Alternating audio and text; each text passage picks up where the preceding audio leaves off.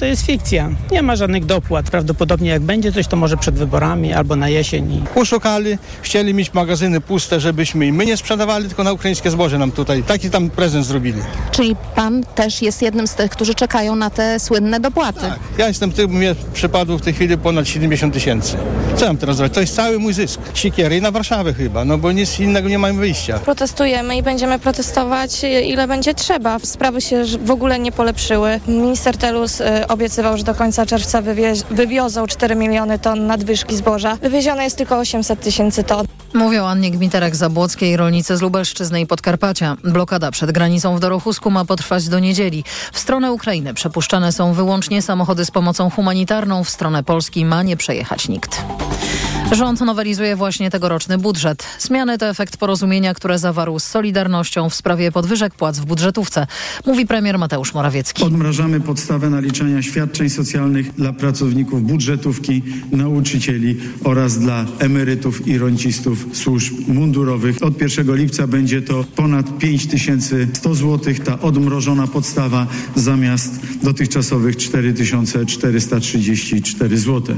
Korekty to także efekt zakupów uzbrojenia z Korei Południowej oraz decyzji o przeznaczeniu pieniędzy na produkcję sprzętu wojskowego w zakładach w Stalowej Woli. Słuchasz informacji TOK FM. Mieszkańcy Nowego Jorku zmagają się z rekordowym smogiem. Nad miasto napłynęły masy powietrza z nad Kanady, która walczy z gigantycznymi pożarami. Normy pyłów zawieszonych są przekroczone nawet o kilkaset procent. Tomasz Fęska. W mieście odwoływane są mecze baseballa, koszykówki i koncerty. Aktorka Jodie Comer opuściła scenę na Broadwayu po 10 minutach, uskarżając się na problemy z oddychaniem. Dzisiaj nie możesz nawet dojrzeć statuły wolności, a zwykle widać ją wyraźnie. To przyniosło taki kaszel przez cały dzień. 15 lat temu rzuciłem palenie i to jest kaszel podobny do tego, jaki miałem, gdy paliłem. Wychodząc upewniamy się, że mamy z sobą maski z powodu jakości powietrza, ale i tak nie wychodzę na długo. Robisz co musisz i wracasz do środka. Próbuję zrobić jak najwięcej zdjęć, ale robiąc je nie widzę nawet budynków. Nie widzę tego mostu na zdjęciach. Władze w Waszyngtonie podkreślają, że powietrze stwarza zagrożenie dla osób schorowanych, starszych i dzieci i odwołały zajęcia szkolne na wolnym powietrzu. Tomasz Fęskę, TOK FM. Kolejne wydanie informacji w TOK FM o 12.20. Pogoda. Piątek ciepły, ale w całym kraju pochmurny. Na południu możliwy przelotny deszcz. W drugiej połowie dnia na termometrach 18 stopni w Krakowie, 19 w Katowicach, 21 w Opolu i Wrocławiu, 22 w Trójmieście, 26 w Lublinie i Szczecinie, 27 w Warszawie i Łodzi, 28 w Białymstoku, 30 w Szczecinie, Poznaniu i Bydgoszczy. Radio TOK FM. Pierwsze radio informacyjne. A teraz na poważnie. Jest 6 po 12. Mikołaj Lizut, kłaniam się Państwu, a gościem programu jest profesor Bogusław Pacek, generał dywizji w stanie spoczynku, dyrektor Instytutu Bezpieczeństwa i Rozwoju Międzynarodowego. Dzień dobry. Dzień dobry panie redaktorze, dzień dobry państwu. Wygląda na to, że e, ukraińska kontrofensywa zaczęła się, choć yy, poinformował o tym Instytut Studiów nad Wojną, a nie same władze yy, ukraińskie. Jednak yy, w mediach, zarówno ukraińskich, jak i światowych, no, nie brakuje informacji na temat różnych ataków przeprowadzonych właśnie przez armię ukraińską. Panie generale, mm, na czym właściwie polega ta kontrofensywa ukraińska, która się właśnie zaczęła? Ja nie mam żadnej wątpliwości, że kontrofensywa się rozpoczęła, natomiast rozumiem też Ukraińców, którzy dość nieśmiało e, mówią o tej kontrofensywie, bo ona, no nie ma co ukrywać, nie idzie tak, jak to przewidywano.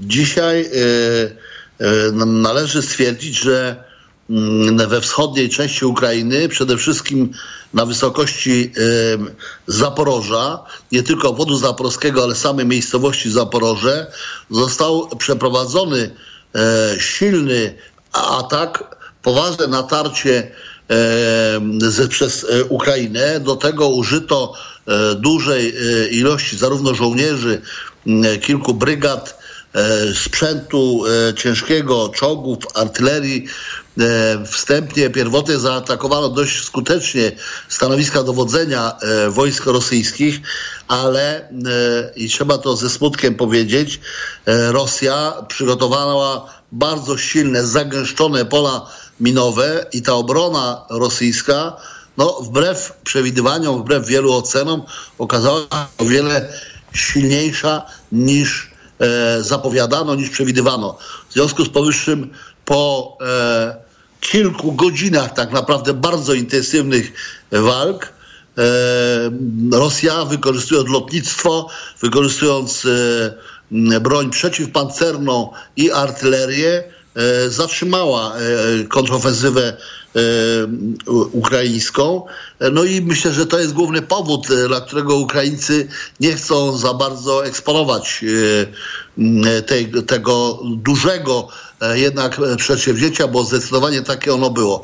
Drugi kierunek z pięciu, bo na pięciu różnych kierunkach Ukraińcy e, podjęli takie działania, ale drugi istotny kierunek to jest kierunek w rejonie Bachmutu na północny zachód od Bachmutu e, trwają jeszcze e, walki i tutaj od czasu do czasu ukazują się komunikaty prawdziwe w moim przekonaniu, że Ukraińcy uzyskują pewne pozytywne efekty właśnie tam e, pod e, Bachmutem e, i te efekty rzeczywiście są bardzo mocno eksponowane e, propagandowo czy informacyjnie. Realnie z punktu widzenia wojskowego one większego znaczenia jeszcze nie mają, bo przesunięcia e, wojsk, przesunięcia w terenie w wyniku tego natarcia o 200 metrów, o 500 metrów nie stanowią jeszcze takiego rezultatu, e, który można e, e, oceniać jako istotne, e, trwałe mm, e, sukcesy w kontrofensywie ukraińskiej. Panie generale, związku, mnie e, bardzo powyższym- ciekawi e, kierunek e, Krym, bo e, część ekspertów no, było zdania przed rozpoczęciem ukraińskiej kontrofensywy, że to jest e, właściwie bardzo ważny e, punkt e, w tej wojnie, w tym sensie, że e, no, po pierwsze Krym jest niezwykle ważny strategicznie dla tej kontrofensywy ukraińskiej, ale też symbolicznie, ponieważ właśnie no, od aneksji Krymu właściwie zaczął się ten konflikt w 2014 roku. Uderza pan w sedno sprawy. To jest najważniejsze e, pytanie i tak chyba e, też powiedzmy najważniejsza ocena. E, Ja dzisiaj patrzę na to trochę inaczej niż jeszcze kilkanaście godzin temu.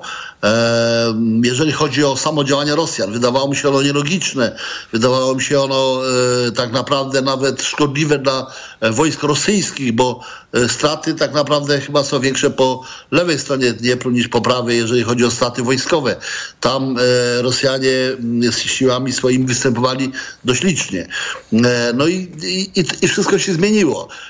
Bo co by nie powiedział, jednak tym ruchem Rosjanie uniemożliwili przeprowadzenie ofensywy na Krym. Jeżeli taki był plan, jeżeli Rosjanie mieli jakieś informacje e, przejęte przez wywiad e, rosyjski, że planowana jest kontrofensywa na kierunku Krymu, no to co by nie powiedział o zbrodniczej e, stronie tego e, aktu związanego z wysadzeniem e, tamy w Nowej Kachowce, no to, to, to ruch ten jest skuteczny, bo e, dzisiaj o e, ofensywnych działaniach na Krym nie ma mowy. E, Woda się rozlała, e, teren e, jeszcze długo będzie mokry, e, no a poza tym e, wszystko się jednak rozciąga w czasie.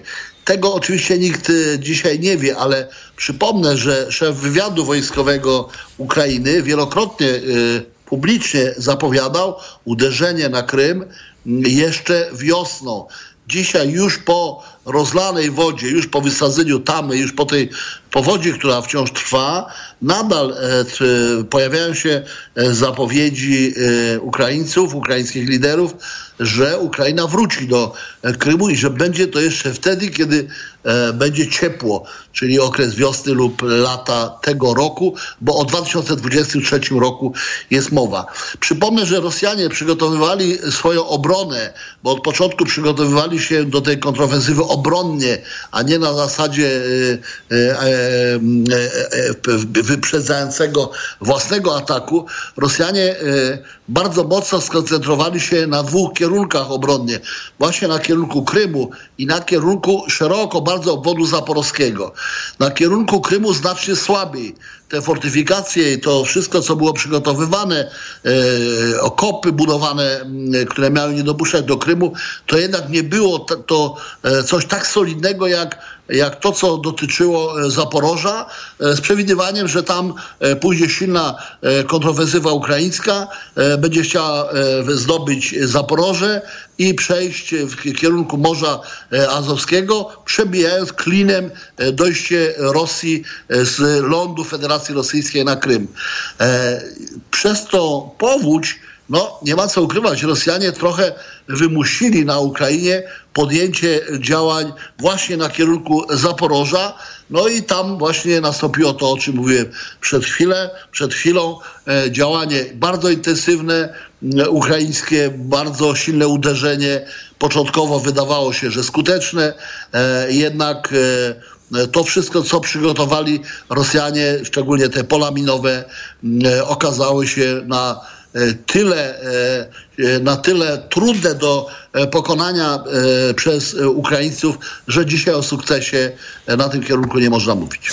No właśnie, a wracając do Nowej Kachowki wysadzenia zapory przez e, Rosjan, no wiemy już oczywiście e, z wywiadu e, także amerykańskiego, że, że, że to Rosjanie i że tutaj e, nie może być e, żadnych wątpliwości. Wydawałoby się, że to jest taki e, akt terroru, czy hmm, zbrodnia e, wojenna, zbrodnia ekologiczna, która e, nie ma specjalnego sensu militarnego. Właściwie e, wydawałoby się z tych podsłuchanych przez wywiad rozmów em, oficerów rosyjskich, że sami Rosjanie nie, nie doszacowali tego, co spowoduje wysadzenie tej tamy, bo, no, bo także to jest problem rosyjski, prawda? I tak i nie. Ja identycznie w taki sam sposób to formułowałem e, naprawdę jeszcze kilkanaście e, godzin temu. Pierwsza kwestia to nie jest akt te- terrorystyczny. To jest zbrodnia wojenna, to jest bardzo poważna zbrodnia wojenna, bo to, co zrobili sprawcy tego wysadzenia tamy, godzi w ludność cywilną, ofiary są wśród ludności cywilnej i te, tego na żadnej wojnie robić nie wolno. Prawo międzynarodowe zabrania takiego działania. Czy to był terror? Ja takich słów nie używam, bo definicja terroru jest trochę inna. To ma, e, to ma straszyć rządy, to ma mieć działanie polityczne. E, ja tego tu nie odnajduję. Natomiast zbrodnia wojenna to jest. Czy to jest logiczne, czy nielogiczne? No, prawdą jest, że Rosjanie e, decydując się na coś takiego, jeżeli zrobili to Rosjanie, bo wiemy dzisiaj z wywiadu amerykańskiego także, że to nastąpiło od środka, że wybuch nastąpił w środku, no i wierzymy, że zrobili to Rosjanie, ja też. Ale ta wojna nauczyła nas e, ostrożności w formułowaniu opinii, bo już parę razy zdarzyło się, że zapewnialiśmy wszyscy i biliśmy się w piersi, że to na pewno zrobili Rosjanie, potem się okazało, że zrobili to Ukraińcy, przypomnę drony e, na Kremlu, przypomnę e, córkę Dugina i jeszcze parę innych kwestii, o których była mowa. Ale wracając do tego scenariusza, jeżeli, ro- gdyby tak było, że Rosjanie mieli jakieś informacje, że nastąpi niespodziewany, ale atak, duża kontrowersywa na kierunku Krymu, E, I jeżeli do tej kontrowersywy nie byli wystarczająco przygotowani i nie mieli wystarczających sił na lewym brzegu Dniepru i dalej e, na kierunku Krymu, to ten ruch, że tak powiem, panikarski i zbrodniczy, ale okazuje się skuteczny dla Rosjan, bo prawdą jest, że e, dzisiaj o natarciu na Krym nie ma mowy. Dopóki woda nie opadnie, dopóki woda nie wyschnie, to oczywiście e, nie ma mowy. Rosjanie w takich sytuacjach nie liczą się ani z ofiarami, ani z prawem międzynarodowym, ani z niczym. I prawdą jest, że jednocześnie nawet jeżeli, nawet gdyby doszukiwać się takiej logiki w ich działaniach, ja już to robię trochę na siłę, to nie ma logiki żadnej w tym, że jednak pozbawili samego Krymu w dalszej perspektywie e, wody pitnej, bo to z tego zalewu przez ostatni rok e, poprzez zajęcie, poprzez zajęcie Nowej Kachowki, poprzez e, tą okupację rosyjską, no, zapewnili wodę na Krymu. E, Druga kwestia to jest woda na Zaporoża. Jeżeli chcą panować w Zaporożu, no to dzisiaj już jest problem. W tej chwili w Zaporożu w pilnym tempie, gwałtownie zapewnia się rowy wodą, e, wodą pitną, tą wodą właśnie z, z tego wielkiego zbiornika, no bo za chwilę i tam nie będzie wody, bo Zaporoże No też tak. ma wodę stamtąd. W związku z powyższym to jest więcej strzałów w kolano niż tylko jeden. Ale to jest wojna, gdzie decydenci kierują się myśleniem, co jest ważniejsze w tym momencie i co jest priorytetem tej wojny. I Rosjanie i Ukraińcy wiedzą jedno na pewno. Nie mogą tego etapu przegrać i jedni i drudzy walczą o to samo. O to, żeby ten etap, bo to jest bardzo ważny etap, być może najistotniejszy etap w tej wojnie. Jak się dobrze wsłuchujemy w to, co mówią Amerykanie, Niemcy, Francuzi, wiele innych państw, to e, i Ukraińcy, i Rosjanie mają powody do tego, żeby postawić wszystko na jedną kartę właśnie teraz. Bardzo dziękuję. Profesor Bogusław Pacek, generał dywizji w stanie spoczynku, dyrektor Instytutu Bezpieczeństwa i Rozwoju Międzynarodowego, był gościem państwa i moim, a państwa zapraszam na informacje. A teraz na poważnie. Autopromocja. Rozumieć Ukrainę. Nowy podcast Fundacji Tok FM i Fundacji Batorego. Zapraszają Agnieszka Lichnerowicz i Edwin Bendyk. Prowadzone w czasie wojny badania odsłaniają, jak dramatycznie, a czasem zaskakująco zmienia się ukraińskie społeczeństwo, tak jak i państwo czy gospodarka. Będziemy więc przedzierać się przez mgłę wojny, stereotypy, powierzchowne przekonania czy własne fantazje, by naprawdę i lepiej rozumieć naszego sąsiada. Rozumieć Ukrainę. Słuchaj na tokefm.pl ukośnik Ukraina lub w aplikacji mobilnej. Tok FM.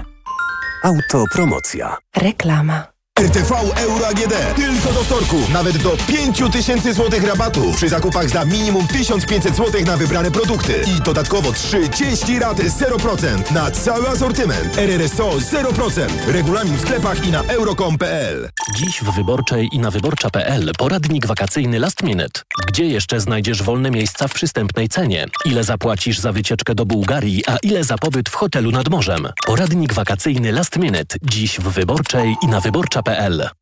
Tak, słucham. Z tej strony Hubert Urbański. Twój przyjaciel potrzebuje pomocy z pytaniem o inflację.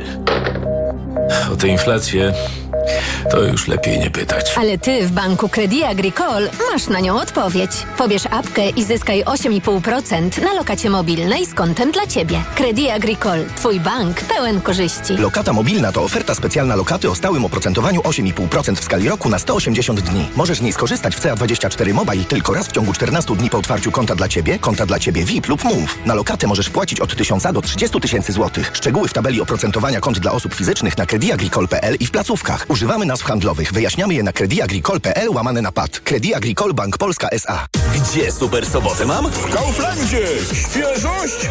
Super! W tę sobotę szynka wieprzowa bez kości w opakowaniu 12,89 za kilogram. 5 kg na osobę. A papryka czerwona tylko 9,99 za kilogram. Idę tam, gdzie wszystko mam. Kaufland. Reklama. Radio Tok FM. Pierwsze radio informacyjne. Informacje Tok FM. 12.20, Karolina Wasielewska. Obwód kijowski jest gotów przyjąć ponad 3000 powodzian z Hersońszczyzny, twierdzi jego gubernator Rusław, e, Rusłan Krawczenko. W miasteczkach modułowych ewakuowani będą mogli pozostać tak długo, jak będą potrzebowali. Dostaną ubrania, środki higieniczne i wszelką pomoc, między innymi w wyrobieniu nowych dokumentów.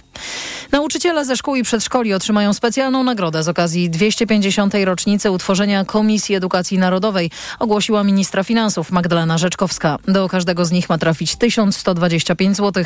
Rząd przyjął dziś nowelizację budżetu na ten rok. Dym z nad Kanady, która zmaga się z ogromnymi pożarami, wykryto nad Norwegią, informują tamtejsze służby zajmujące się czystością powietrza. Na szczęście, przynajmniej na razie, występuje tam w ilościach, które nie zagrażają życiu i zdrowiu ludzi ani zwierząt.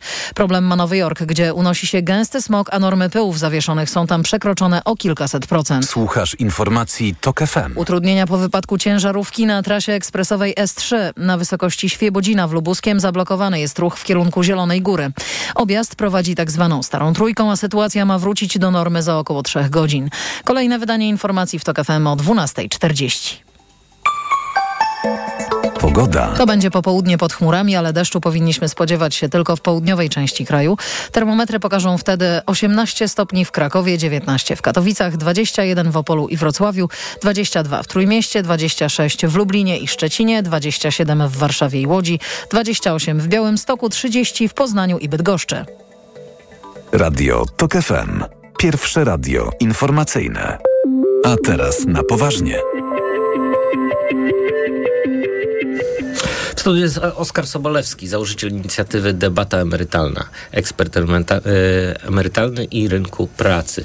E, Witam pana bardzo serdecznie. Dzień dobry. E, Jak donoszą media, a przede wszystkim Gazeta Wyborcza, PiS chce ponownie obniżyć wiek emerytalny. Emerytury stażowe po 35 i 40 latach pracy. No, to jest rzeczywiście taki, można powiedzieć, pisowski konik, na który już po raz drugi e, partia rządząca chce postawić, żeby wygrać wybory.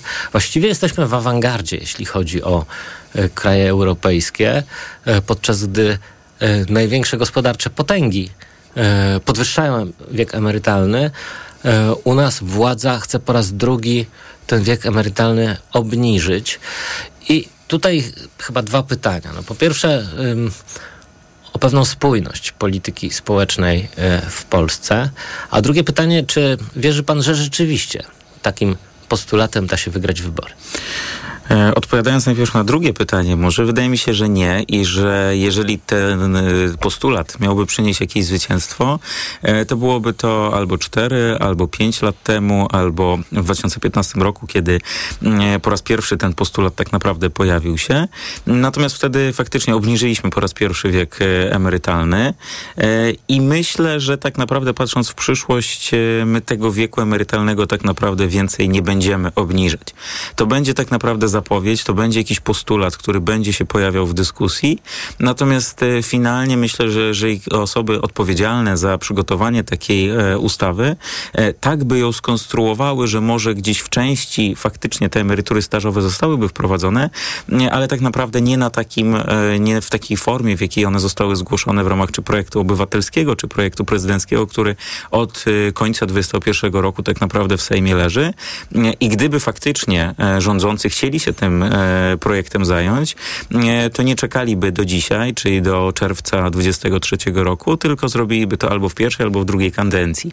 A wielokrotnie, czy to prezes Kaczyński, czy premier Morawiecki powtarzali, że ten, y, to rozwiązanie emerytur stażowych e, jest po prostu zbyt drogie do tego, żeby zostało wprowadzone w Polsce. No to ewidentnie jest kiełbasa wyborcza i ym, takie trochę myślenie, że po nas choćby i potop. Zdecydowanie tak. Znaczy tutaj już dzisiaj, e, patrząc na te zapowiedzi, które się dopiero rozpoczynają i które myślę, że dopiero się rozkręcają, e, biorąc pod uwagę czas, jaki nas dzieli od e, wyborów, e, że tych pomysłów będzie dużo, ale to będą przede wszystkim takie zapowiedzi, tak jak już to było i miało miejsce. Także ja bym się nie spodziewał, że one będą zrealizowane.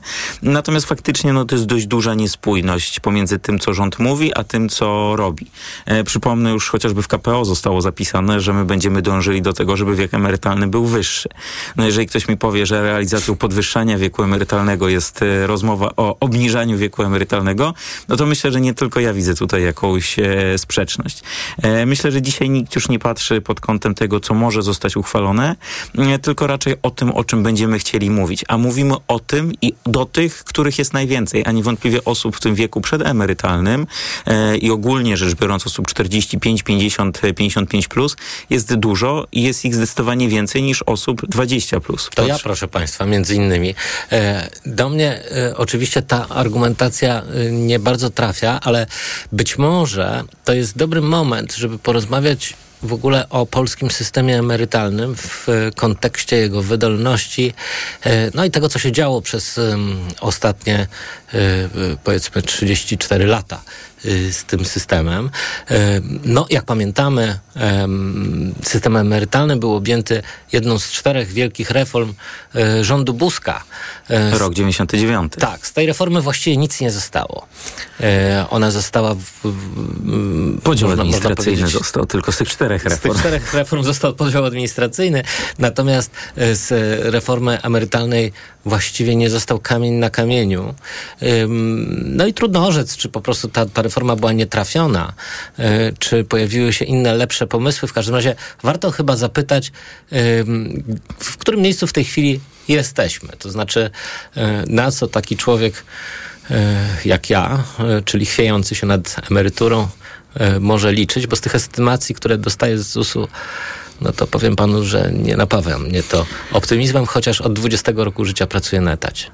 To też rzadkość, biorąc pod uwagę historię naszą e, ostatnich 20-30 lat i biorąc pod uwagę osób, e, osoby, które pracowały na etacie przez cały ten, e, przez cały ten czas, na pewno nie ma ich e, dużo, a na pewno nie jest tak, że, że większość stanowią te osoby, które, które nie miały przynajmniej jakichś niewielkich przerw w aktywności zawodowej.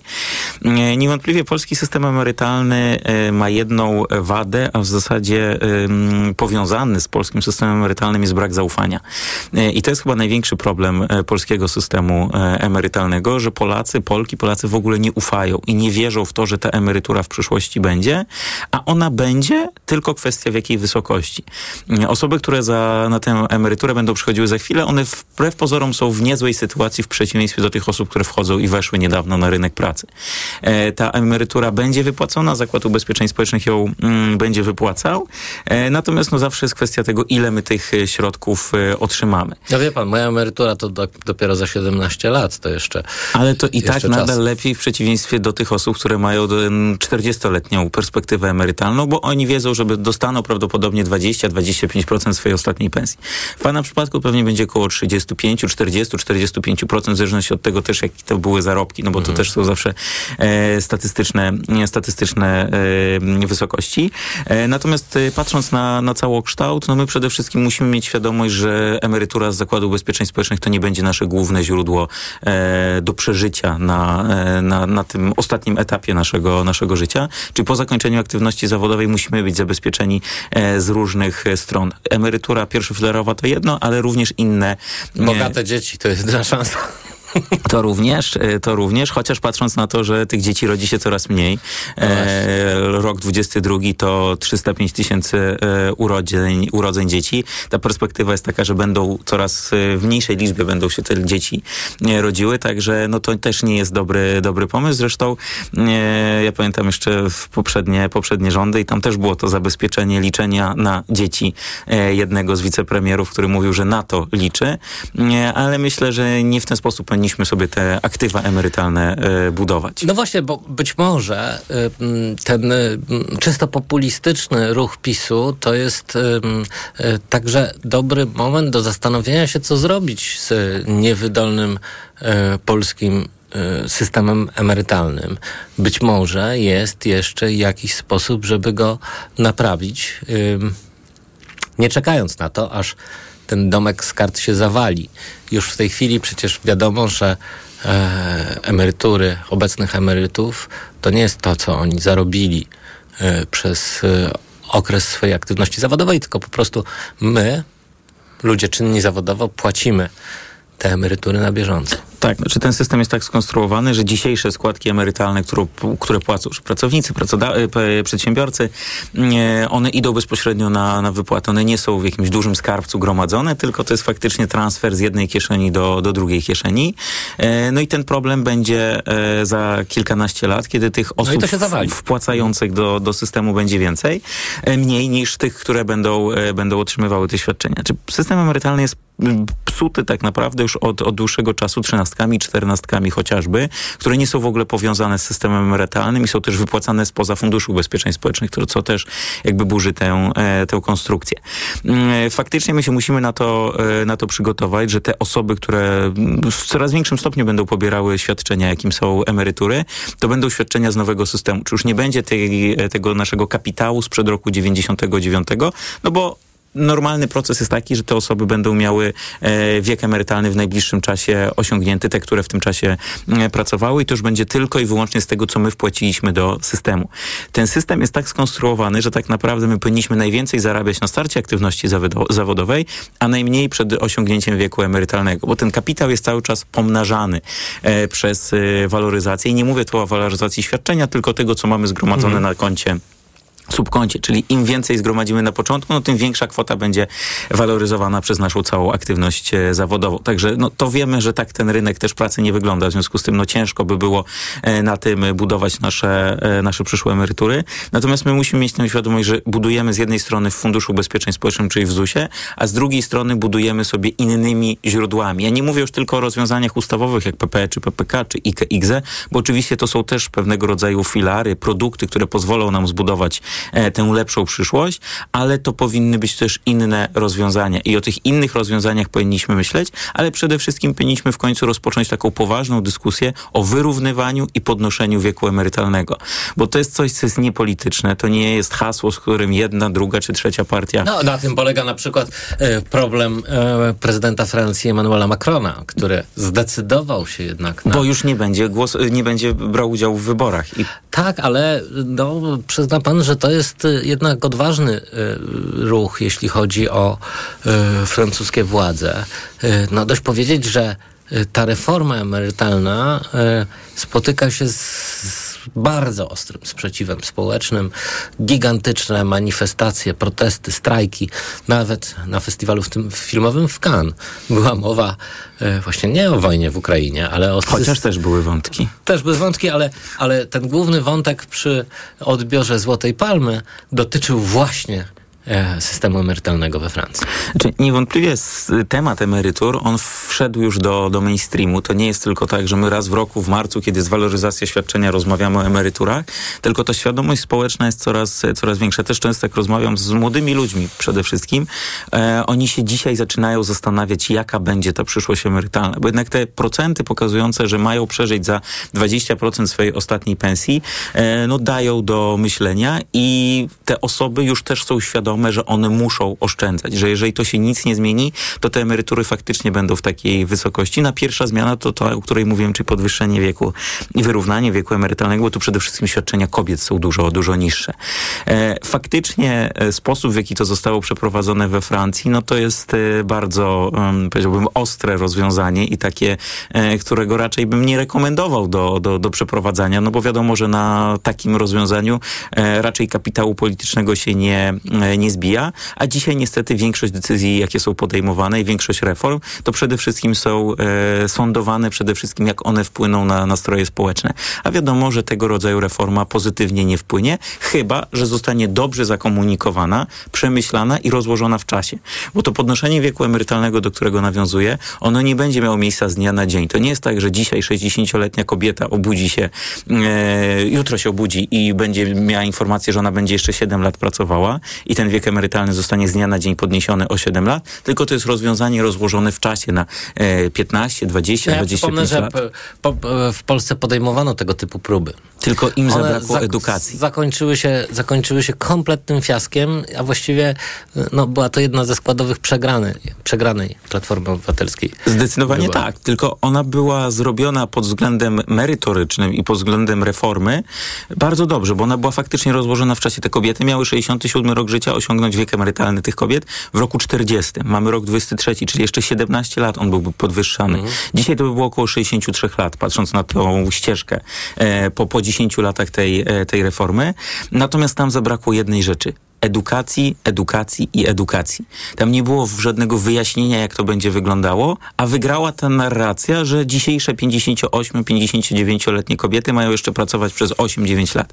I niestety... Będziemy to... pracować aż do śmierci. To było hasło przeciwników tej No i niestety reformy. z tym ta reforma się kojarzy, a ta reforma wcale taka, e, taka nie była i tych kobiet, które, e, które miały osiągnąć ten 67 rok życia e, i jako moment przejścia na emeryturę, to one jeszcze o tej emeryturze w ogóle ogóle nie myślał albo myślał w takiej perspektywie dopiero za 17 lat. No to mm. czym jest to za 17 ja tak. lat? Bardzo dziękuję. Oskar Sobolewski, założyciel inicjatywy Debata Emerytalna, ekspert emerytalny i rynku pracy. Był gościem Państwa i moim. Bardzo dziękuję. dziękuję. A Państwa zapraszam na informacje. A teraz na poważnie. Autopromocja. Dołącz do subskrybentów Tok FM Premium. Słuchaj swoich ulubionych audycji i podcastów Tok FM, których nie usłyszysz na naszej antenie. Słuchaj wygodnie, gdziekolwiek jesteś. Zawsze, gdy masz na to ochotę. Wykup dostęp do TOK FM Premium. Zapłać 150 zł i korzystaj przez cały rok. Szczegóły oferty znajdziesz na tokefm.pl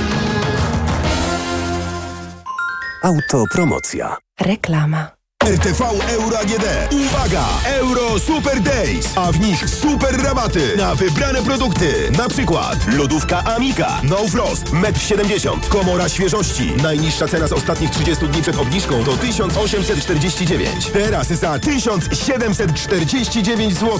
I dodatkowo pierwsza rata gratis na cały asortyment. RRSO 0%. Taka okazja tylko do środy. Szczegóły i regulamin w sklepach i na euro.com.pl. Tylko teraz w sklepach i na neonet.pl wielkie przeceny na małe i duże AGD. Sprawdź setki produktów w rewelacyjnie niskich cenach, jak inteligentna pralka LG z systemem Turbo Wash 9 kg wsadu klasa A za 1999, a super cichy odkurzacz Electrolux Pure D8 Silence z automatyczną regulacją mocy już za 799. Podane ceny produktów są najniższymi z ostatnich 30 dni. Neonet. Porozmawiajmy o dobrych ofertach. Ekonomia 360. Słuchaj od poniedziałku do piątku o 18.20. Sponsorem audycji Ekonomia 360 jest Unum Życie, Towarzystwo Ubezpieczeń i Reasekuracji SA www.unum.pl.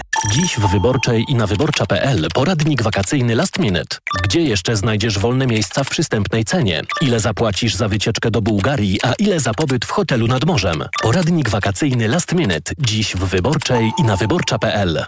Teraz w Carrefourze akcja antyinflacja. Ręcznik papierowy Jumbo marki Carrefour 13,99 za opakowanie, a produkty marki Wedel 20% taniej.